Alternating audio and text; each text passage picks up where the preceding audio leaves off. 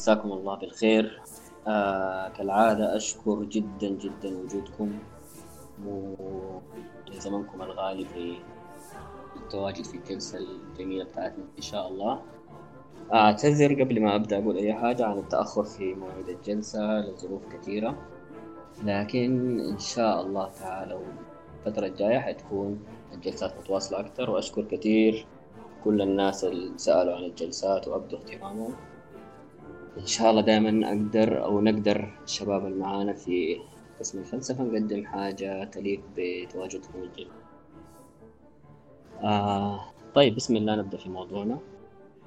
كلكم شفتوا العنوان المغالطات المنطقية. في ناس كثيرة يعني عندها تصور عن عن الموضوع ده وفي ناس ممكن الموضوع يبقى جديد بالنسبة لها بس الحاجة الجميلة والمطمنة إنه الموضوع ده يعني أقل تعقيدا مما اعتدنا على تناوله الجلسات الماضية. والحاجة الثانية إنه حتلاقوا الموضوع ده ملامس لحياتنا الواقعية بشكل كبير. يعني ممكن جلساتنا الماضية كان بيكون سرد تاريخي الواحد يعني بيستفيد ويستمتع منه لكن ما بيقدر يشوف للجلسة أثر حي على حياته اليومية. لكن أنا متأكد الجلسة دي إن شاء الله تعالى هتبدأ تلمسوا طوال أثرها بعدها في حياتكم اليومية في حاجات كثيرة. هتلاحظوا بأنه الموضوع ده يا أخي أضاف كثير أي هوب يعني. آه للناس اللي ممكن تسأل إنه ليه ما واصلنا في نفس السرد اللي كنا ماشيين به والسرد التاريخي للفلسفة. يعني أنا بس حبيت كانت فكرة مني إنه أخلي بين كل يعني ثلاثة أربعة جلسات تاريخية عن الفلسفة وبتتناول التاريخ الفلسفي. جلسة نكسر بها الرتم تكون موضوع جديد ويعني من باب التنوع من باب كسر الرتم وباب كسر الملل. يعني ممكن تكون المواضيع الفلسفية الثقيلة دي شوية. يعني صاحبها شيء من الملل فحبينا نعمل الفكرة دي. طيب بسم الله الرحمن الرحيم. العنوان يا اخوانا زي ما أنتم شايفين المغالطات المنطقية. بدي انطباع إنه خاصة حتة المغالطات دي إنه حنتكلم عن موضوع النقاشات. اللي بتدور بيننا في حياتنا اليومية طبعا يومنا كله مليء جدا بالجدل وبالنقاش في المواضيع الكبيرة الصغيرة الجادة الهزلية الترفيهية. يعني إحنا كائنات جدلية من الدرجة الأولى. طوالي بنحب نقول رأينا طوالي بنحب آه نعبر ونتناقش ونثبت وجهة نظرنا. فهو الموضوع الليلة زي ما باين من اسمه عنده ارتباط بالحاجة دي. لكن كده قبل ما ندخل في الموضوع بشكل جاد كده أنا عايز يعني ناخد خطوة لورا يا إخواننا كلنا كده مع بعض ونفكر في حاجة. لماذا نتناقش أصلا نحن يعني لما نتناقش يا اخواني جد كده. بيكون السبب شنو؟ هسه يعني أوكي نحن زي ما قلت كائنات جدليه وأي واحد بيحب يعبر عن رأيه ودي حاجة فطرية فينا. واحد عنده يعني حب إنه يقول رأيه في أي موضوع دي حاجة كويسة يعني ما مشكلة. لكن أو خلينا أصيغ السؤال بطريقة ثانية. ليه بنتناقش بالشكل اللي بنتناقش به ده؟ يعني ما اعمم لكن كثير من النقاشات الحاصلة في في الواقع بتاعنا يعني بتلاقوا بتصاحبها حاجات كده ما مفروض تكون هي مصاحباها. حاجات أنا بتكلم زي الزعل التعصب الغراي يطور الموضوع في ناس بتخسر علاقاتها مع بعض. اوفر نقاش يعني في حاجات كثيرة. يعني النقاش بياخذ من حنيات ما لها معنى له. فده خلينا نرجع ليه إحنا أصلا يعني تناقشنا لحد ما الموضوع وصل للحتة دي. هدفي كان شنو من النقاش؟ ما هو واحد من اثنين. يا هدفنا انه الهدف المفروض بين قوسين يكون هدف أي نقاش إنه عايزين نصل لحقيقة معينة. أنا عايز آخذ معلومة جديدة فبفتح الموضوع بقول رأيي الزول الثاني بيقول رأيه فلو أنا فعلا باحث عن حقيقة معينة ولا دار آخذ المعلومة من الزول ده أستفيد منه ما في حاجة بتزعل في الحكاية دي. المفروض النقاشات لو الناس بتاخذها بفهم إنه عايزين نصل لحقائق ما فيها حاجة بتزعل ابدا. يعني شنو لو قلت لي يا أخي والله أنا أختلف معاك ولا رأيك ده غلط حقول لك هاي اديني الرأي الصح. لو أنا تناقشت مع زول قلت له والله يا أخي معلومتك دي ما دقيقة هو لو باحث عن المعلومة الحقيقية ولا عن, عن الحقيقة بشكل عام بقول لي طيب اديني المعلومة الصح والحقيقية وأنا اديه من هنا وهو يديني من هنا لحد ما نصل لحاجة معينة وينتهي النقاش. ده المفروض. لكن الواقع حاجة غير دي تماما اللي بتحصل يعني. اللي بيحصل إنه الناس كثير بتتمسك بارائها شديد بتزعل بترفع صوتها. ليه الحاجة دي بتحصل؟ آه من قراءتي البسيطة للموضوع ده إنه إحنا عندنا مشكلة في الخلط ما بين آرائنا وذواتنا يعني أنا كمصطفى بشوف رايي ده بيمثلني أنا كشخص. يعني أنا لما أقول مثلا آه أنا بشجع ميلان وتشجيع ميلان ده هو الحاجة الصح. فلو جاء شخص قال لي يا أخي رايك ده غلط ولا ميلان فريق ضعيف أنا ما بشوف إنه هو بيتكلم عن ميلان ككيان نادي بيتكلم عنه كأرقام وكذا لا. بشوف إنه الزول ده أساء لتقديراتي أنا كمصطفى أساء لي كشخص إنه قلل من عقلتي ولا حاجة زي دي. نفس الحكاية دي بتحصل في أي نقاش. فبالتالي أنا بقوم بندفع وبهاجم وبزعل وبطلع من الموضوع على أساس. ف قد يكون المثال فيه تمرير أجندة لكن يعني هو ميلان فعلا الطريق الصحيح يعني للحياة. المهم بديت أنا بالمقدمة دي عشان عايز أحاول أزرع بذرة بتاعت إنه يا أخواننا الهدف من الجلسة دي ويا ريت نخليه هدف عام إنه نعيد الاتيتيود بتاعنا في الفكرة بتاعت النقاش نعيد تفكيرنا إنه نحن بنتناقش. ليه أفهم إنه إحنا بنتناقش في أي موضوع ما ما عشان أثبت إنه أنا صح أنا رهيب ولا أنا مفكر عظيم ولا عصرتك وهنا وعملت لك لا. في النهاية الناس بتتناقش عشان تصل لحقيقة معينة. يعني وكنت كان في موقف حصل بين اثنين أصحابي قبل فترة حكيته للشباب كمان أتذكر في واحدة من الونسات دي. اثنين غلطوا في حاجة معينة. معلومة بسيطة يعني كانت إنه مش عارف فلنفترض إنه تيم معين أخذ أبطال أمم أوروبا كم مرة كمثال. ف ده قال له يا أخي رقم خمسة ده قال لي لا سبعة. فداك طوالي قال لي يا أخي أنت قايل روحك يا أخي شنو أنت قايل روحك؟ جوجل وحتورينا وبتاع.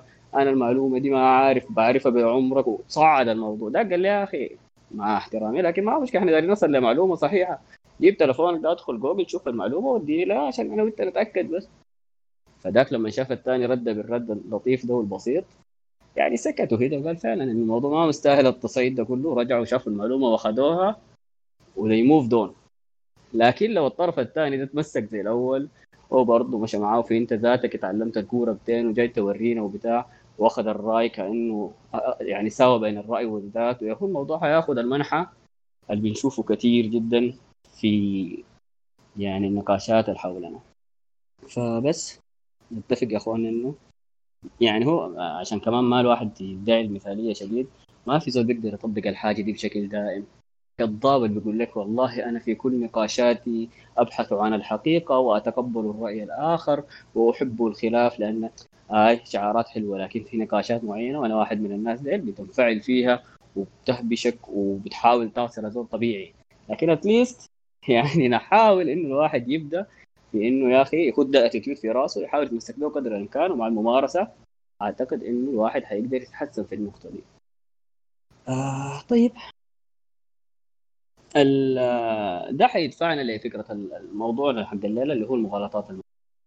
ليه الناس بتضطر تخوض أو ترتكب خلينا نسميها الخطيئة الوقوع في المغالطات المنطقية دي شوفوا واحد من اثنين. يا هو السبب مرتبط بالفكرة الأولى قلناها بتاعت التعصب في النقاش؟ فأنت بتتناقش مع زول معين في حاجة معينة موقفك في النقاش بيكون مثلا ما قوي حجتك ما خالص فبتقوم تستخدم بعلمك عمدا واحدة من المغالطات المنطقية دي عشان تصل بها لإنك تاخذ ال upper hand في النقاش تاخذ الموقف الأقوى وبين قوسين تفوز في النقاش. مع إنه هل النقاش ده مسألة فوز وخسارة المفروض يكون لا لكن الحاصل إنه آي. فهنا دي الحاجة بتضطر الناس تقع في المغالطات المنطقية إنه عايزين نفوز بالنقاش ده بأي طريقة كانت فبيعملوا الحاجة دي. لكن في ناس للأمانة بيقعوا في المغالطات دي ما من باب إنه عايز يفوز ولا كده لا. من باب إنه خطأ أو جهل يعني. ما عارف إنه دي مغالطة بقول الحاجة وبيمشيها وهو ما عارف إنه هي دي مغالطة منطقية ولا كده لكن ما عارفها. فالثاني نلقى له العذر والأول طبعا الجلسة دي عشانه لأنه لما نعرف إن إحنا انه دي مغالطات ويجي واحد داير يمارس أحد تلك المغالطات الواحد يثبته في محله يقول له يا أخي أنت هنا وقعت في مغالطة منطقية فمعليش يعني ما حتمشي عليه فمهم جدا الناس تكون على دراية بالحاجة دي. فمعرفة المغالطات لها فائدتين كبيرتين. الفائده الأولى إنه ما في زول يجي يسوقك بمغالطة يعني. يجيك واحد آه، يسوقك بكلام فاضي وانت تكون لانك انت ما عارف انه ده مغالطة ولا ما وقع عليك الحكاية تقتنع وتسكت. لا بعد كده حتكون عارف انه الزول ده سايقك. الحاجة الثانية المفروض انه نسعى نعمل انه نحن ذاتنا ما نقع في المغالطة. زي ما اتفقنا قبل إنه نحن ما حنسعى إنه نفوز في نقاش فما في حاجة تخلينا نستخدم أساليب ملتويه عشان نكسب نقاش معين. آه في مقولة عظيمة جدا للفيلسوف الجميل اسمه شوبنهاور. شوبنهاور يا إخواننا واحد من الناس اللي كان يعني مشغول جدا بموضوع المغالطات والمنطق. حتى عنده كتاب جميل جدا جدا أنا أنصح بقراءته اسمه فن أن تكون دائما على صواب فن أن تكون دائما على صواب والناس اللي ما بتحب تقرأ بيلقوا في شاب اللي اسمه اخترت بيلخص الكتب في 10 دقائق كده برسم كرتوني لطيف عامل عنه حلقة لطيفة جدا ممكن يعني تديك عنه صورة حلوة شديد. مع إني أنصح بقراءته لأنه كتاب صغير يعني. شوبنهاور في الكتاب ده هو كتاب يعني ممكن تستخدمه بإيجابية ولا بسلبيه لأنه بيديك طرق يقول لك الحاجات دي لو اتبعتها أنت طوالي حتكون صح. وهي طرق ملتوية وغلط مغالطات.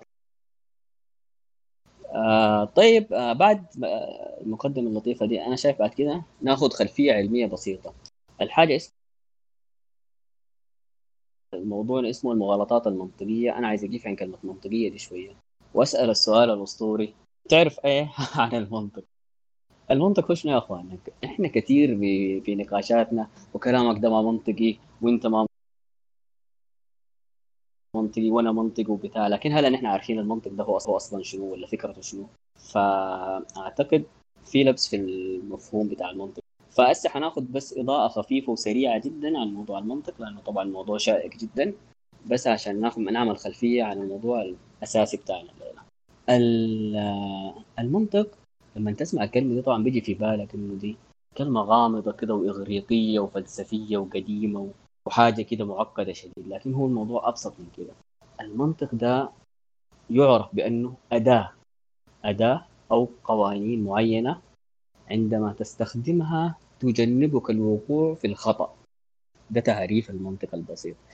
أداة آه زي ما بقول أداة التفكير الصحيح خلينا نقول بشكل أفضل. المنطق ده يا اخواننا أبوه مولانا أرسطو هو الرجل اللي جاء وقعد وتكلم عن المنطق ده بشكل منهجي وقنن قوانينه. حتى قال دي قوانين واحد اثنين ثلاثة. تكلم عن الموضوع ده بكل تفصيل وحتى فيه كتب وخلاه يبقى علم اسمه علم المنطق وبعد كده الناس بدأت تستخدمه وكده. حنتكلم شوية عن منطق أرسطو. منطق أرسطو يعرف بالمنطق الأرسطي. ما حنتكلم عنه كثير عشان عندنا كلام خاص عن أرسطو إن شاء الله حيكون مفصل جدا في الكلام بتاع المنطق ده لكن بس لمحة سريعة عشان فالمنطق الارسطو ده يا إخواننا يسمى أيضا بالمنطق الصوري المنطق الصوري عنده ثلاثة قوانين أساسية. أرسطو بيقول ثلاثة قوانين. دي هي قوانين المنطق الرئيسية. القانون الأول يسمى قانون الهوية أو الذاتية. آه يعني قانون الهوية بشكل عام يعني هو بسيط جدا. هو بيقول لك أنت لازم تثبت إنه الحاجة دي هي هي الكنبة دي هي كنبة. هي يعني تثبت وجودها وتثبت ذاتيتها هويتها. القانون الثاني اسمه قانون عدم التناقض. لازم ما تقول لي الكنبة دي بيضاء وسوداء في نفس الوقت. ببساطة يعني يا بيضاء يا سوداء لازم أي حاجة واحد يكون عندها هوية زي ما قلنا ثاني حاجة أي صفة بتنطلع عليها لازم تكون واضحة وما فيها تناقض. القانون الثالث هو قانون اسمه قانون الثالث المرفوع. يعني شنو قانون الثالث المرفوع؟ قانون الثالث المرفوع هو بيقول إنه الشيء لا يجب أو سوري يجب أن يكون على حال معين. يعني شنو؟ يعني ما ممكن تقول لي فلان ده موجود وغير موجود في نفس الوقت. يا موجود يا ما موجود الزول ده يعني حالين في نفس الوقت. ما عايز الكلام ده حنفصل فيه إن شاء الله في جلسة ارسطو لكن هسه بس عشان ناخذ تصور عام عن فكرة المنطق الأرسطي. ف الموضوع يا اخواننا حقنا موضوع الليلة. الناس أول المفكرين أو الفلاسفة اللي قاموا بتطوير فكرته كان عندهم مشكلة مع المنطق الصوري بتاع أرسطو ده. بيقولوا إنه يا أخي منطق أرسطو ده منطق منطق شوية جاف وعلى اسمه صوري أرسطو بيحط لك نموذج معين صور معين. لو أنت طبقتها كلامك منطقي ما طبقتها أنت ما منطقي نقطة انتهينا. فهم بيقول المنطق الصوري ده ممكن الزول يتلاعب فيه بسهولة يجي يحقق الثلاثة قوانين دي ويحقق القوانين اللي بيقول بها أرسطو يكون بعد ده كلامه ما منطقي. فشافوا إنه المنطق الصوري ده يا أخي يعني okay اسس للعلم وحاجة مفيدة جدا ومهمة لكن مع تطور العلم ومع تطور العصر نحن محتاجين حاجة أكثر واقعية من المنطق الصوري نصف بها المنطق فمن هنا طلعت فكرة المنطق اللا صوري المنطق اللا صوري هو الأساس اللي حنتكلم عنه الأساس المغالطات المنطقية اللي حنتكلم عنه. فكرة المنطق اللا صوري شنو؟ تعريف له سريع. يقول لك هو محاولة لتجديد المنطق الصوري ليكون أكثر انسيابيا وتناسبا مع الواقع. قالوا ما دايرين هوية وتناقض والثالث المرفوع والمصطلحات الغريبة دي عايزين حاجة يعني قوانين معينة نفهم بها إنه الحاجة دي منطقية ولا ما منطقية وتكون ملامسة للواقع. يعني ما عايزين حاجة صورية كذا والحاجات الغريبة بتاعتك يا سيد أرسطو. فطيب الجزئية الجاية حنتكلم عنها حنتكلم عن فكرة لما أنت تجي في نقاش معين تطرح حجتك ولا تطرح رأيك. مفترض في ثلاثة عناصر أساسية للرأي أو للحجة اللي حتقولها المفروض أنت تبدأ بمقدمة وبعد المقدمة تجي بالاستدلال. بعد الاستدلال تخلص لنتيجة. طيب نشرح الحاجات اللي قلناها. دي المقدمة هي شنو؟ المقدمة المفروض تكون معلومات يقينية عشان تنطلق منها. يعني أنت ممكن تجي دار تقنعني بحاجة أو تبدأ لي بمعلومة غلط طوالي كده في المقدمة خلاص النقاش انتهى. يعني امشي صحح معلوماتك وتعال. لكن أنت كزول لسه ما شاء الله يعني فيلسوف وحاضر لك ثلاثة حصص فلسفة والسيدي الرابعة وأمورك طيبة ما أكيد حتكون عندك الممكنات دي. فحتبدأ بمقدمة معلومات يقينية ما بختلف عليها. بعد ذاك الشغل كله النقاش كله بيجي في حتة الاستدلال دي. لما تجي أنت تستدل فهنا بيجي مهاراتك الجدلية في حتة الاستدلال. وهنا برضه بتخش حكاية المغالطات المنطقية. الاستدلال هو شنو؟ الاستدلال هو الرابط العملية الفكرية التي تنقلك من مقدمتك اللي خدتها في البداية للخاتمة اللي انت عايز تقنع بها الطرف الآخر. فالاستدلال زي ما قلنا هو عمليه عملية التفكير التي تقوم بها للانتقال من المقدمة إلى الخاتمة. الخاتمة زي ما اتفقنا إن هي الرأي انت له بناء على الحاجات السابقة دي وعايز تقنع به الطرف الآخر. فدي الثلاثة العناصر الأساسية. المغالطة هي شنو؟ المغالطة هي كل تشوه يصاحب عملية الاستدلال. أي تشوه أو مشاكل معينة في عملية الاستدلال دي حنسميها مغالطة منطقية. طيب بعد كده أعتقد بقى عندنا background ممتاز جدا عن الموضوع فممكن بعد كده ندخل على فكرة المغالطات نفسها. آه، اعتمدت في جلستنا الجميلة الليلة على كتاب رجل القش بشكل مين كده ليوسف صامت بوحايد آه كتاب لطيف ما معقد وبعد بسيطة انصح الجميع بقراءته ولو دارين تتزودوا برضه في كتب ثانية لكن ده كبداية أعتقد إنه مناسب جدا لأنه لغته آه لطيفة يعني خفيفة وتتفهم بسهولة. طيب بسم الله. أول مغالطة معانا الليلة على فكرة أغلب المغالطات اللي حنتكلم عنها حتلاقوها انها يعني بسيطة وبتحصل في اليوم 600 ألف مرة وبتمر علينا. لكن شنو؟ نحن حنرجع لمولانا شوبنهاور. شوبنهاور بس قال يا إخواننا أدوا المغالطات دي أسماء سموها عشان لما نزول يقع فيها ما نقعد نقول له يا أخي أنت تعال أنت في حاجة حصلت هنا غلط أنا ما اعرف شنو. لا تقول له يا حبيبنا دي مغالطة.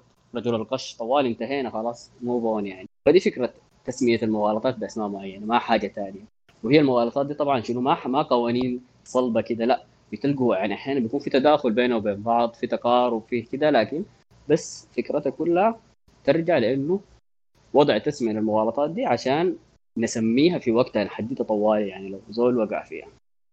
طيب المغالطة الأولى اسمها مغالطة التعميم المتسرع. التعميم يا أخوان التعميم المتسرع ده طبعا حاجة بنقع فيها بشكل يعني خرافي شديد. تعريف بسيط بيقول لك أن ترى حكما أو وصفا ينطبق على شخص أو أكثر فتتوسع في هذا الحكم على مجموعة أكبر. والله يا أخي المصري ده فلان اللي اشتغل معاي بخيل معناته المصريين كلهم بخلاء. والسوداني ده طيب معناته السودانيين طيبين ما إلى ذلك يعني الموضوع ده طبعا أنتم بتشوفوه كثير جدا يعني في حياتكم. الواقعيه وفي طبعا من يعني أشهر الأمثلة في الموضوع ده العبارة اللي بيقولوها اخواتنا البنات اللي بيقول لك من ار تراش مثلا يعني يكون حصل لواحد لواحده موقف مع شخصية معينة فيقوم يعكس الموقف ده على جندر كامل يعني حاجة مغالطة فاضحة جدا. فيا ريت يا اخوانا ننتبه للموضوع ده يعني. آه واضحة ما أعتقد محتاجة تفصيل أكثر من كده. أي زول يقع في موضوع التعميم ده بيتوقفوا عن مكانه كده تعميم متسرع فما في داعي يعني ما خلاص كده ما يقدر يبني عليه حجة يعني. من هنا حجته اتشوهت خلاص يعني. طيب نتكلم عن المغالطة الثانية اللي هي المغالطة التي طالما انتظرتموها على قولة الكثيرين اللي هي رجل القش سترومان رجل القش مغالطة جميلة جدا. لو قلنا نعرفها تعريفها ان أن يحرف الشخص كلام منافسه وينسب له حجج أخرى هشة ثم يرد عليها الكلام ده يعني شنو؟ مثلا أنا بتناقش مع زول أنا قلت الحجة بتاعتي بكل وضوح ممكن هو الحجة بتاعتي ما قدر يرد عليها قوية شديد حس إنه اتخدت في الزاوية فبقوم يعمل شنو؟ ياخذ الحجة بتاعتي دي ويقوم يشوهها يلعب فيها يضيف لها كلام من عنده كده وما يرد على الحجة الأساسية بتاعتي لا يرد على الحجة الأخيرة اللي هو يعني خلينا نقول بين قوسين قطع من شبطه يعني. ف مثلا ناخذ مثال على أرجل القش آه خلينا نتخيل نقاش بين زولين. واحد قال للثاني على الدولة ونفترض أنها دولة أوروبية واثنين أوروبيين بيتناقشوا. واحد قال للثاني على الدولة أن تحدد عدد معين للاجئين لكي تضمن لهم الحياة الكريمة. وان ما عايزين موضوع اللاجئين ده يكون مفتوح على الآخر عشان شنو؟ الدولة كده ما حتقدر تسيطر على الموضوع. يقوم الثاني يرد عليه الثاني اللي هو حيلعب بحيلة رجل القش. حيقول له يعني هل يعني تريد التضييق على اللاجئين لأنهم سود أو فقراء أو كده؟ يعني okay. أخذ الكلام بتاعه فكرة حصر عدد اللاجئين اخذت عليه وإنه يا أخي أنت عايز تضيق على الناس. وبدأ طوالي طبعا شنو حيسحب الموضوع ده بإنه ده عدم إنسانية منك وما عارف وبتاع. طيب أنا ما قلت الكلام ده لكن هو خلاص already لاعب رجل القش أخذ كلامك وشوهه واخذته بطريقة معينة وبدأ يناقشك في ال update الجديد اللي عمله هو براه فهي ضعيفة جدا ولازم ننتبه لها يعني. في يعني الشيء بالشيء يذكر مولانا أبو حامد الغزالي كثير منكم سمعوا كان عنده حركة بيعملها عظيمة عظيمة لأبعد درجة اللي هي كانت عكس فكرة رجل القش تماما. في ناس بيحبوا يسموها بالرجل الحديدي. فكرة شنو؟ أبو حامد بيعمل شنو؟ أبو حامد الغزالي لما يكون بياخذ حجة الشخص الآخر اللي هو بيتناقش معه في مكان معين فبدل ما يعمل رجل القش ويحاول يضعف الحجج ويشوهها ويضيف عليها حجج من عنده وما إلى ذلك لا. بيحاول يقوي حجة الطرف الآخر. يعني شوفوا العظمة. يعني ده الشخص الباحث عن الحقيقة فعلا. ما هو ما عنده هدف إنه أنا أفوز ولا أنت تخسر. أنا عايز اصل لحقيقه ياخذ حجته دي وكشخص ما شاء الله يعني عقلية عظيمة جدا. يشوف فيها مثلا قوات معينة ثغرات معينة يقويها. بعد ما يقويها يرجع يرد على النسخة الحديدية القوية من الحجة بتاعت الشخص ما النسخة الأولى بتاعته.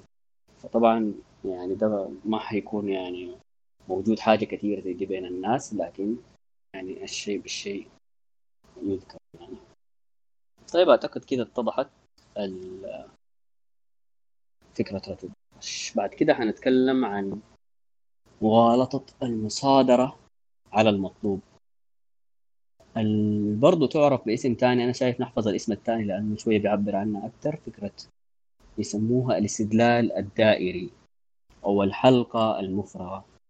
طبعا دي برضو من المغالطات اللي بتحصل كثير جدا. هي فكرتها أو تعريف لها سريع استخدام النتيجة في الاستدلال كحقيقة مسلم بها. يعني الواحد بدل ما يبدأ من زي ما اتفقنا إنه الحجة بتبدأ من المقدمة بعدين تعمل الاستدلال بعدين تصل لنتيجة. لا هنا الزول بياخذ النتيجة اللي عايز يصليها يبدأ منها كمقدمة ويرجع يصليها في النهاية. بالمثال يتضح المقال زي ما بقول. يعني مثلا يجي زول يقول لك السرقة فعل غير مشروع لأنها لو لم تكن كذلك لما جرمها القانون. هو عايز يتكلم إنه النتيجة اللي عايز يصل إنه السرقة غير مشروع. فبدل ما يمشي يجيب استدلالات واضحة أثر السلبي شنو كيف إنك بتاخذ حاجة ما حقتك ما إلى ذلك. قام استدل بأنها مجرمة من القانون. إذا هي غير مشروع. في النهاية هو استدلال دائري ماشي في نفس الحالة قال مفرغة مثال ثاني يقول لك مثلا السلف الصالحون صالحون لأن عقائدهم صحيحة وعقائدهم صحيحة لأنهم من السلف الصالح. يعني أنت تقدر تثبت أنه عقائد السلف الصالح صحيحة تقوم تجيب النتيجة في البداية وتخط المقدمة في النص وترجع تستدل على النتيجة في النهاية. يعني ده هنا استدلال دائري. أنت ما بتست... يعني ما بتصل للنتيجة العايزه من النتيجة نفسها. لازم تبدأ بمقدمة معينة معلومات يقينية زي ما قلنا وتجي تخط الاستدلال بتاعك حجتك ما حتمشي عليها وتصل للنتيجة اللي انت عايز تصل لها ثاني آه طيب نتكلم ثاني عن حجة أو مغالطة الشخصنه طبعا دي يا إخواننا أكثر مغالطة بتحصل في العالم العربي وفي وما جاوره فكرة مغالطة الشخصنه على اسمها يعني فكرة بسيطة جدا. ترك الحجة والطعن في الشخص ببساطة. بديت موضوع مع زول. ولا بروق بديت موضوع مع زول معين في موضوع معين. الحجة بتاعتك ما قدر يرد عليها سمها يقوم يهاجمك انت شخصيا عشان يطلع من الموضوع أو يطلع من النقاش يعني. في فرق بين الشخصنه بشكل عام فكرة الشخصنه وبين مغالطة الشخصنه يا اخوانا يعني الشخصنه فكرة إنك تتهجم على زول في شخص ده ما موضوع براو. لكن فكرة إنك أنت تحاول تثبت إنه زول ده حجته غلط. من خلال تشخصن الموضوع دي المغالطة هنا اللي بتتكلم عنها. يعني أوكي أنت عندك معاه مشكلة شخصية وشخصنتم المواضيع دي حاجة بينكم. لكن ما تجي تثبت لي إنه حجتي غلط لأنه أنت عندك مشكلة مع شخصي من أشهر العبارات اللي بتتسمع كمثال للموضوع ده لما يقول لك أنت منو أصلا انت منو؟ عشان تتكلم في الموضوع الفلاني يعني. زول يفتح موضوع معين عنده قرا عنه سمع به ولقاه في جريدة في حتة يجي يطرح الموضوع يا اخوانا والله يا أخي أنا قريت انه كده كده كده. الزول الثاني المشخص ده بيجي بيقول لي أنت أصلا منو عشان تتكلم عن الموضوع ده؟ بدل ما يشوف إنه الزول ده قال شنو كلامه ده صح ولا غلط يناقشوا فيه فبيختصر الموضوع يعني. فالشخص أنا مغالطة منطقية ما تقبلوها في أي نقاش. مغالطة ثانية تعرف بمغالطه المنحدر الزلق أو أنا بحب أسميها كرة الثلج فكرتها شنو يا شباب؟ قال لك أن يرفض الشخص فكرة اديت زول فكرة قام رفضها على افتراض شنو؟ على افتراض إنه الفكرة دي إذا حصلت على افتراض أنها سي... يعني لو حصلت الفكرة بتاعتك دي حيكون في سلسلة من النتائج اللي حتترتب عليها والنتائج دي كلها سيئة يعني شنو الكلام ده؟ يعني مثلا آه واحد نفترض نقاش بين اثنين. واحد قال يا أخي والله أنا شايف إنه المرأة في مجتمعنا محتاجة مزيد من الحرية. فكرة. يلا يقوم الثاني بدل ما يتناقش في موضوع إنه هل المرأة تستحق الحرية وما الحرية. الفكرة اللي قالها البسيطة دي يقوم يقول لي يا أخي؟ معقولة؟ أنت داير النساء ديل ياخذوا حرية زيادة؟ عايز ياخذ حرية التعبير؟ بعدها حيقوم يطالبوا بحريه الانتخاب بعدها حيقوم يقولوا عايزين نعمل كقضاة وجنود.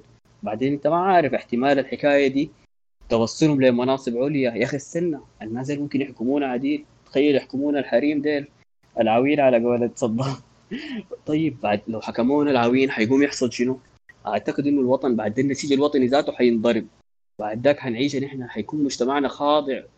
المهم يبدأ يمشي في سلسلة من النتائج اللي هو بس افترض من راسه إنه دي حتحصل. بدل ما يرد على الموضوع الأساسي من كل موضوع.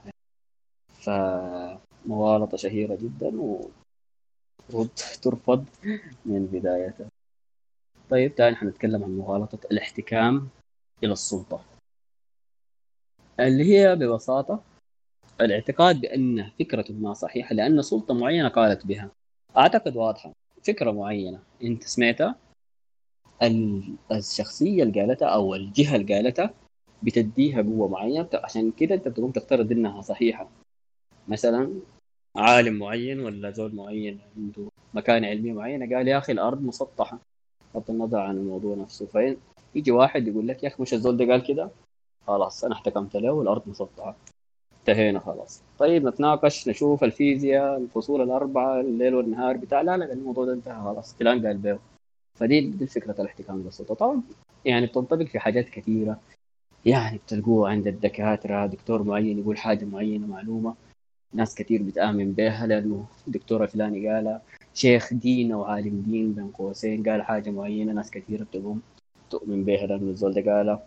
فدي الفكرة بتاعت الاحتكام إلى السلطة فكرة طبعا مغالطة شهيرة جدا. يا ريت الناس تنتبه لها تاني في عندنا حنتكلم عن الاحتكام إلى الجهل. آه ببساطة بتقول بأنه الاعتقاد بأن بأن فكرة ما صحيحة لأنه لا يوجد إثبات على خطئها أو العكس. فكرة معينة؟ والله يا أخي أنت بتتناقش مع زول ما أداك إثبات على خطأ فبتعتبر إنه الفكرة دي صحيحة والموضوع انت كونك أنت ما عندك الإثبات الآن في اللحظة دي على خطأ الفكرة دي ما دليل إنها صحيحة. قد تكون صحيحة وقد تكون لا. أنا ما بقول إن هي ما صحيحة لكن بس مجرد إنك أنت جاهل بطريقه إثبات خطأها ما بيعني إنها صح. آه مثلا اثنين بيتناقشوا كالعاده أو نضرب مثال فلنقول إنه ولاء وروان بيتناقشوا. آه ولاء بتقول لي روان ليس بإمكانك أن تثبت أن الأشباح غير موجودة. يا روان ليس بإمكانك أن تثبتي أن الأشباح غير موجودة. تقدر تثبت لي الحاجة دي؟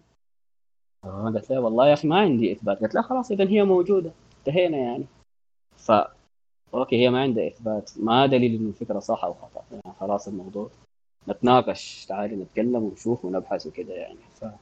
فالاحتكام الجهل مشكلة كبيرة. المغالطات الجايه حتكون لطيفة لأنه اسماء بتكون عندها قصص. فمغالطتنا الجاية اسمها قناص تكساس. آه بتتكلم عن شنو فكرة قناص تكساس؟ قال لك انتقاد البيانات التي تخدم سوري انتقاء انتقاء البيانات التي تخدم قضيتنا وتجاهل التي تضرها. عندنا نقاش معين شخصين بيتناقشوا.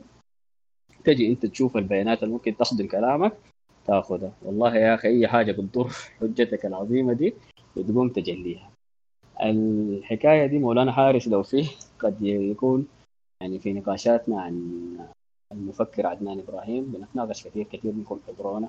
فهو الحارس بيقول إنه يا أخي تعال عدنان إبراهيم في تعامله مع الأحاديث النبوية بيقوم يأخذ الحديث اللي بيشوف إنه بيخدم الفكرة اللي عايز يوصلها.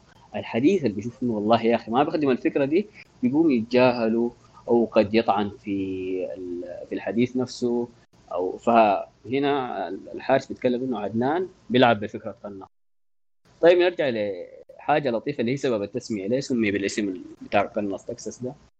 بيحكوا إنه في قناص في تكساس كان كاسب دوري جدا يا أخوان. القناص ده بدل ما يمشي يشوف الهدف وين ويضرب فيه بيضرب أول. ضرب بال البندقيه بتاعته في الحيطة الحيطة علمت. بعد ما الحيطة علمت بقى في علامة في الحيطة ويمشي يعمل دائرة ويخلي الضربة بتاعته دي في النص. وهو هنا خلاص خدت. يعتبر نفسه طبعا أحسن كناص في العالم مع إنه زول يعني سجمان سهل فدي الفكرة يعني بتاعت الناس آه طيب بعدها حنتكلم عن مغالطة اسمها الرجل الإسكتلندي.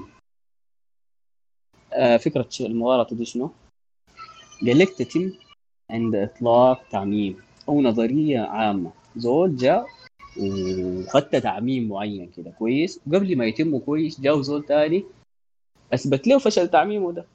طوالي مثلا قال حاجة معينة زول تاني أثبت له إنه التعميم ده خطأ لأنه يعني واحد من الناس المجموعة اللي أنت قلتها دي ما بتعمل الحاجة اللي أنت بتقولها فيقوم يعمل شنو؟ عشان يطلع من المشكلة دي.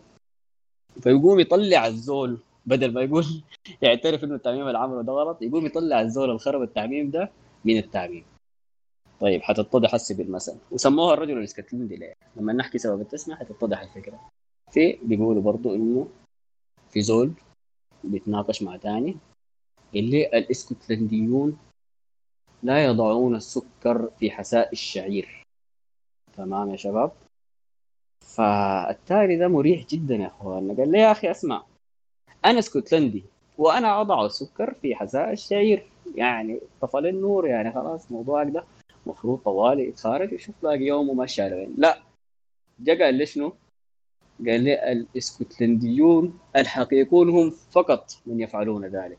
فعشان يرجع الخطأ في التعبير والمشكلة دي قام يعني طلع الزول ده من إنه اسكتلندي أصلا وخدت في اسكتلنديون حقيقيون وفي ما حقيقيون عشان يثبت إنه المقدمة السجمانه بتاعته دي صح ف مغالطه واضحة جدا. يعني مثلا برضه ناخذ مثال ثاني لو جاء واحد قال يا أخي والله السودانيين ديل ما بخلوا حريمهم يشتغلوا عندهم مشكلة مع موضوع شغل الحريم.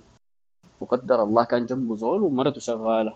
يا ود الناس يقول يا أخي أنا سوداني وأنا مرتي شغالة.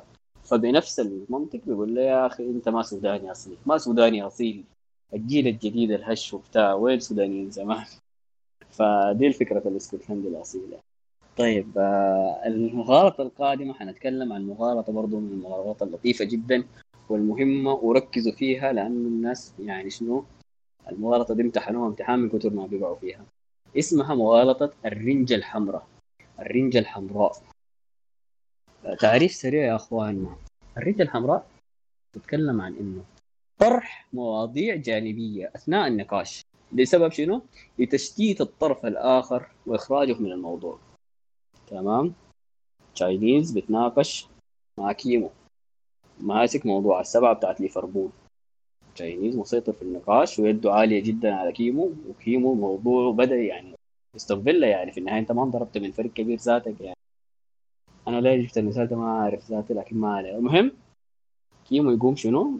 الموقف صعب موجود في ال corner يقوم يشتت الموضوع بطرح مواضيع ثانية وإنت ذاتك يا تشاينيز يونايتد ده إنتوا ماخذين ستة ذاتكم which is true يعني الحقيقة يعني.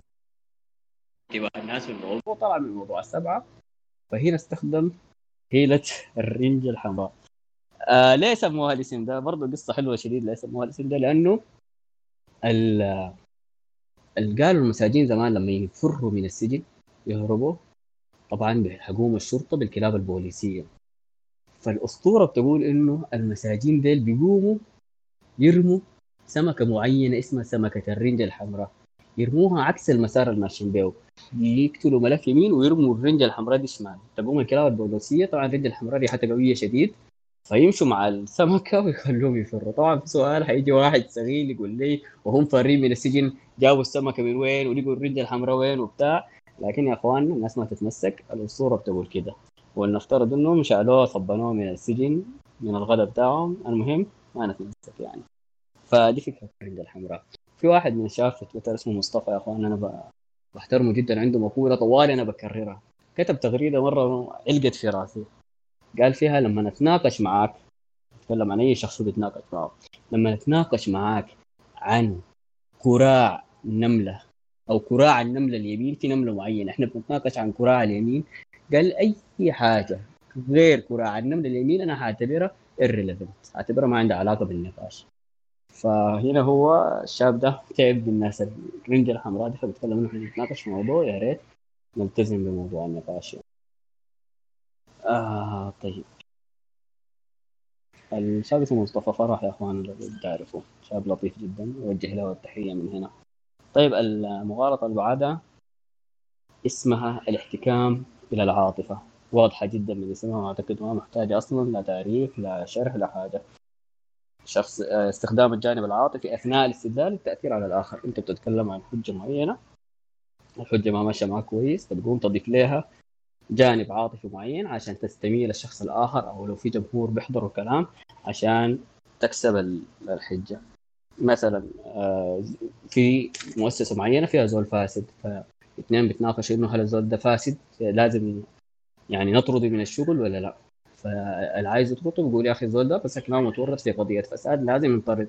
الزول اللي ما عايز ينطرد بيجي بيقول شنو؟ آه يعني لكن الزول ده يا أخي عنده أولاد أولاد أطفال مساكين. فيهم طفل عيان وهو لو انطرد ما حيقدر يصرف عليه. فهنا هو ما قدر يدافع على الزول ده بالمنطق وبالحجة وبالاستدلال لا لكن لعب بوتر العاطفة. فالاستدلال بالعاطفة دي حاجة بنعملها كثير وإحنا طبعا بحكم انه صعب تنفصل من العاطفة لكن في النقاشات ال decent فالمفروض الموضوع يكون بالشكل ده. طيب نمشي كمان مغالطة. مغالطة أنت كذلك. برضه فكرتها بسيطة وواضحة بالنسبة الاعتقاد بخطأ فكرة ما لأن قائلها لا يعمل بها. كومبليكيتد آه شوية يعني هي يعني لو عاينت لها من ناحية منطقية يعني لو زول ما بيعمل حاجة وجا قال لك يا أخي أعمل كذا. آه، بتتمسك أنت يا أخي أنت طيب أنت اعمل الحاجة دي أول بعدين تعال يعني استشرف علينا وكذا. لكن الفكرة إنه كون الزول ده ما بيعملها ما بخلي الحاجة دي غلط. ناخذ مثال إنه مثلا أب وولده الأب قال للولد يا الولد بيدخن يا ولد بطل السجاير ده. الولد ببساطة بدل ما يشوف فكرة إنه هل تبطيل السجاير صح ولا خطأ يقول طيب أنت كنت بتسجر أو لسه بتسجر أنت كذلك يعني. ف okay أنا كذلك لكن في النهاية still أنت لازم تخلي السجاير لأنه السجاير غلط يعني. فهي بتطلع من الموضوع الأساسي بتاع النقاش لأنه فيها طبعا تنزل تحت الشخصنة سمها لأنه فيها يعني حاجة من الشخصنة. طيب آه، حنتكلم كمان عن مغالطه مغالطة اسمها مغالطة السبب الزائف اللي هي بتتكلم عن الاعتقاد بأن حدث ما هو سبب للآخر بمجرد وجود علاقة أو تزامن بينهما. دي شوية يعني كومبليكيتد إنه في ناس بيحبوا يربطوا المواضيع ببعض بشكل غريب. حصلت حاجة حصلت بعدها حاجة حاجة ثانية بيقوم يربط إنه الحاجة دي هي سبب الحاجة دي وفي علاقة بينهم. الحاجة دي أنا بشوفها بشكل واضح في الناس اللي, اللي بتؤمن بنظرية المؤامرة بشكل كبير. ويعني طوالي بيتجذبوا لفكرة نظرية المؤامرة. وبس عشان كمان اعرض سريع في فكرة نظرية المؤامرة يا إخواننا. آه موضوع نظرية المؤامرة ما غلط تماما وما صح تماما. لكن يعني لازم الموضوع ده يكون خاضع لدلائل قوية. لكن أنا بلاحظ إنه البشر في موضوع المؤامرة ده بيختلفوا. في ناس بيتند إنه بيحبوا نظريه المؤامرة فبقوموا يشوفوها في أي حاجة ويربطوا أي حاجة مع بعض عشان يطلعوا بفكرة المؤامرة. في ناس لا بيحاولوا يكونوا دقيقين يعرفوا بتين دي مؤامرة ودي ما مؤامرة وخلوا الموضوع ده مبني على حاجة يعني ما إنه بس من الفراغ. فالفكرة بتاعت المغالطه بتاعتنا السبب الزائف بتلقى كثير. يعني مثلا حتى في موضوع الكورونا الأخير تلقى ناس بيربطوا حاجات غريبة ببعض وما عارف حصل كده قاموا نشروا الكورونا عشان ينشروا المرض عشان دولة معينة داير تعمل حاجة معينة قاموا الصينيين المهم بيربط لك حاجات غريبة جدا. قد يكون ما عندها أي علاقة ببعض بس عشان يثبت بها نظرية معينة ف دي واحدة من المغالطات. طيب آه مغالطة ثانية اسمها مغالطة المقامر. يعني المغالطات اللطيفة جدا يا أخي. بتقول شنو؟ أن يعتقد شخص أن تكرر حدوث شيئا كثيرا في الماضي فإنه على الأغلب لن يحدث في المستقبل. الكلام ده يعني شنو؟ طبعا بالمثال زي ما بنقول دائما يتضح المقال. قاعدين نفرين لطاف شايلين الهللة ولا الكوين دي وبيلعبوا صورة ولا كتابة. ف قدر ما مثلا عملوا الحاجة دي خمس مرات طلعت صورة. يقوم الثاني يقول للاول الجاية دي حتطلع كتابة. ليه طيب؟ استندت على شو في الموضوع ده يقول لك يا أخي لأن طلعت كثير صورة يا أخي. وافترض تطلع كتابة.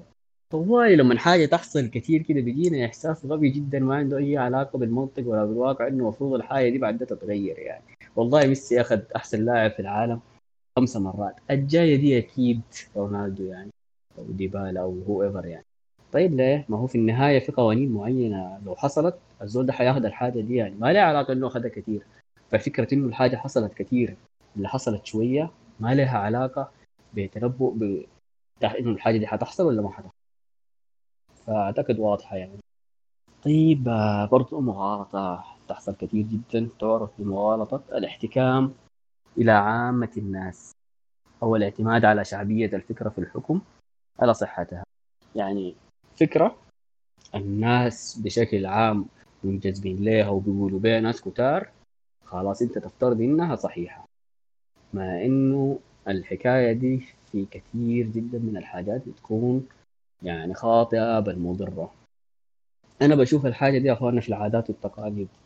في بعض العادات بتكون سيئة ومضرة ومؤذية لكن مثلا مجتمع معين متوافق على العادة دي وشايفين إنها حاجة صح يعني فلما يجوا يتكلموا معاك فيها ما بيتكلموا معاك فيها كحقيقتها كفعل معين. فلناخذ مثلا ال... أوكي المواضيع شائكة كلها خلي أنا كإنسان جعلي نتكلم عن الجلد في الاعراس بتاع الجعل ده. آه في شندي أو في القريه بتاعتنا اسمها ساردية الشقالو قرية سياحية جميلة أدعوكم جميعا إنكم تزوروها. لو جيت قلت لواحد والله الجلد ده يا أخي عادة مضرة والصوت ده لما تنقل من زول لزول ممكن تنقل مرض من شخص للثاني وكلام زي ده. يقول لك ها حاجة نحن اهلك دول كلهم ما بنجلدوا. الموضوع ده أصلا حاجة فينا وكده. المهم إنه خلاص دي حاجة متعارف عليها وثابتين انها دي عادة ممتازة جدا. فخلاص طوالي حيبيشوا لك كلامك لأنه شنو؟ احتكم العامة. فالحكاية دي بتحصل كثير جدا. فإخوان كونه ناس كثير بتقول بحاجة معينة ما بدل ابدا إنها صح؟ بل ما أقدر أقول في كثير من الحالات بتكون يعني جماعة الناس بتكون غلط. لكن عموما اجماعهم أو عدم اجماعهم ما دليل على صحة أو خطأ فكرة. الخطأ بيجي بالدلائل وبالطريقة المنطقية يعني. طيب تاني حنتكلم عن الاحتكام إلى القوة. الاحتكام إلى القوة بيتكلم عن شنو؟ يعني أنت يكون عندك قوة على شخص معين فبتعتمد على القوة دي بتهديده أو تخويفه عشان تفرض الفكرة بتاعتك عليه. يعني مثلا يا إخواننا فوزي زول آدمن كبير بيتناقش مع شخص يعني خلونا نفترض الصادق أنا شفته قدامي. ففوزي بيتناقش مع الصادق فوزي زول آدمن وعنده فان ذاته يعني وعنده وضعه يعني في السيرفر. ف الصادق قال حاجة معينة فوزي قال لي آه، صادق أحذف الكلام اللي كتبته ده. الصادق قال له طيب ناقشني المشكلة شنو في كلامي؟ عشان أنا أحذفه. أنا وين خالفت القوانين بتاعت السيرفر مثلا؟ فوزي بيقول له طيب آه، تحذفه ولا تنحذف انت؟ ببساطة كده يعني ما فالصادق بيقول طوالي بالراحه يمزح يا معلم الكلام يقول لا حصل خير يا يا آدمين وانتهى الموضوع. فدي هنا الاحتكام القوه دول عنده قوة معينة بيفرض على بيفرض فكرته على الزول فرض يعني. لأنه حاشا فوزي يعني بيعمل حاجة زي دي لكن آه مثال ثاني برضو عشان الفكرة تتضح زيادة.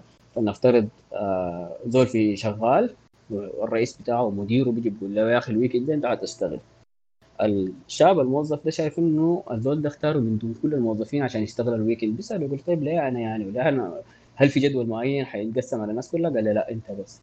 طيب الفكرة شنو؟ ليه؟ ده بقول له طيب تشتغل ولا نطردك مثلا يعني؟ فخلاص يعني ما ما انتهى الكلام. فدي فكرة الاحتكام إلى القوة زول بيفرض عليك. الفكرة بتاعته بالقوة. إخواننا جربنا وصلنا مغالطة السؤال المشحون. برضه بتتكرر كثير كثير جدا. ففكرة السؤال المشحون زي ما قلنا إنه شخص معين بيسألك سؤال في السؤال ده بيقوم بيزرع عليك فيه لغم صغير كده في المقدمة بتاعت السؤال. بيفرض بيلزمك إنك أنت أول ما تجاوب على السؤال ده حتقوم حتكون اعترفت بالمقدمة اللي هو خدتيها في السؤال خلاص أنت ونس جاوبت أنت اتلعبت فزي شنو؟ فكرة السؤال شنو؟ يجي زول يقول لك يا حبيب أها لسه بتضرب مرتك ولا وقفتها؟ طيب يلا أنت ولذا شيء يكون في يعني قاعد الجبل كده ونص الناس وأنت تكون مركب مكنة بتاعت الشاب التقدمي ما ابجيكي وكده فيسألك سؤال زي ده في نص الناس والله يا أخي لو قلت له آه لا وقفتها اثبتت إنه أنا كنت بضربها لو قلت له لسه بضربها يعني النكش ضرب بعد خلاص يعني موضوعك استحمى. فسؤال ملغم فأنت الصح تعمل شنو في الحالة دي؟ ما تجاوب على السؤال أصلا. توقفه عن حده ولا السؤال ملغم؟ مو قال لك إنه أصلا أنا كنت بضرب مرتي. وأنا شايف إنك تضربه هو ذاته على سؤاله زي وش ده. فدي الفكرة. بتاعت السؤال المشحون لازم ما تجاوبوا عليه لأنه once جاوبت عليه وانت موضوعك استحمى يعني آه ناخذ مثال ثاني يا شباب لفكرة السؤال المرغوم يجي واحد يسألك يا أستاذ هل تؤيد فكرة توسيع دائرة الحريات؟ حد هنا السؤال لطيف يقوم يضيف شنو؟ ونشر الانحلال في البلد هل تؤيد توسيع دائرة الحرية للمجتمع ونشر الانحلال؟ فلو جاوبت برضو ووب وكان ما جاوبت ووب يعني فالسؤال المرغوم الزول ما يجاوب عليه أصلا. آه مغالطة المغالطة الجاية معنا اسمها مغالطة التقسيم الخاطئ. أو أنا بحب أسميها إما أو أو يسموها كذا الناس يعني إما أو أوضح وأسهل. الفكرة شنو؟ إنه زول يجي يتكلم في حاجة معينة يفترض وجود خيارين لا ثالث لهما. ال ال أشهر مثال لإما أو كان الخطاب آه، أحد خطابات جورج بوش بعد آه 11 سبتمبر بعد العمليات بتاعت تفجير البرجين فطلع طبعا بكل حزم إنه ينفذ enough. فوجه خطاب للدول أو لحكماء الدول إنه يا أخواننا لحد هنا وكفاية. بعد كده إما تكونوا معانا في محاربة الإرهاب أو أنتوا إرهابيين. انتهينا. فهو الموضوع يعني هو ما كده. انت يعني الحكاية أصلا ما إلا أنت يا تبقى معاه مع أمريكا في السعي بتاعها في محاربة الإرهاب بين قوسين شديد يعني أو إنك أنت تبقى إرهابي في خيارات ثانية يعني ممكن أنا أكون ضد الإرهاب وضدك أنت ذاتك. أنا ذاتي شايفك أنت إرهابي كأمريكا عندك ممارسات إرهابية. لا لا هو لغى أي خيارات ثانية وخدت الخيارين ديل. فإما أو مغالطه شهيرة جدا. آه هنتكلم برضه عن مغالطة التناقض الداخلي. أو بيسموها التضارب مغالطة بسيطة إنه زول في الحجة بتاعته الحجة تناقض بعضها البعض.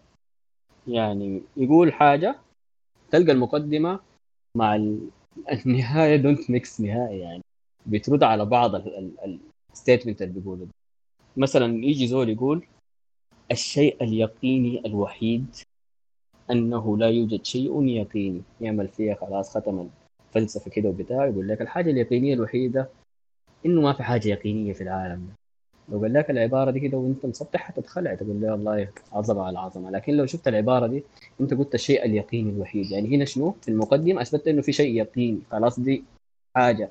تجي تناقض تقول إنه لا يوجد شيء يقيني فحقول لك ده كلام فارغ وما لا يقدم وما عنده أي دليل ولا عنده 60 لازمة. يعني.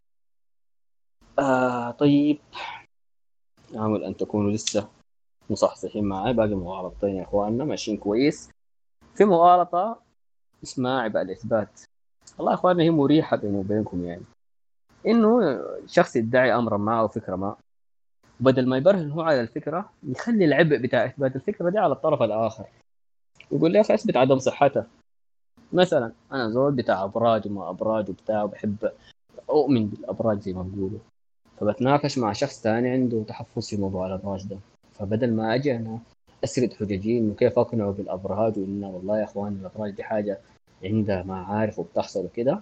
بجي أقول له يا أخي الأبراج دي حاجة حقيقية يا معلم ومؤثرة في حياتنا بشكل واضح. ف يقول لي طيب قبل ما يقول لي أي حاجة واقول له طيب أنت لو أثبت لي إنها خطأ. أنت كونك ما قادر تثبت إنها خطأ معناتها هي صح انتهينا. فبخلي لك العبء بتاع إنك أنت تثبت الحق. الموضوع بكل سلاسة يعني. آخر مغالطة معانا. اسمها مغالطة المغالطة. مغالطة المغالطة. الفكرة بتاعتها شنو؟ طيب مغالطة المغالطة بتتكلم عن الاعتقاد بخطأ نتيجة الطرف الآخر لأنه قام بمغالطة في استدلاله. آه شايف دي من أهم المغالطات لسبب إنه آه هسه نحن ما شاء الله بعد ما أخذنا الونسه الظريفة دي وعرفنا بعض المغالطات فبتقوم انت بعد شوية تخش تشانل ثاني تتناقش مع زول. يقوم واحد يقع في أحد المغالطات اللي قلناها دي طبعا أو غيرها كثير شوية يعني المغالطات دي كثيرة جدا أنا أخذت منها حاجة بسيطة بس أنا حاولت أركز على الحياة الدارجة أكثر. فلو زول وقع في واحدة من المغالطات يتناقش معك في حاجة وقع في مغالطة. تقوم أنت هنا المغالطه وين؟ تجي تقول لي يا حبيبي دقيقة. أنت وقعت في مغالطه طول الغش معناتها استدلالك ده خطأ وأنت خسرت النقاش ده.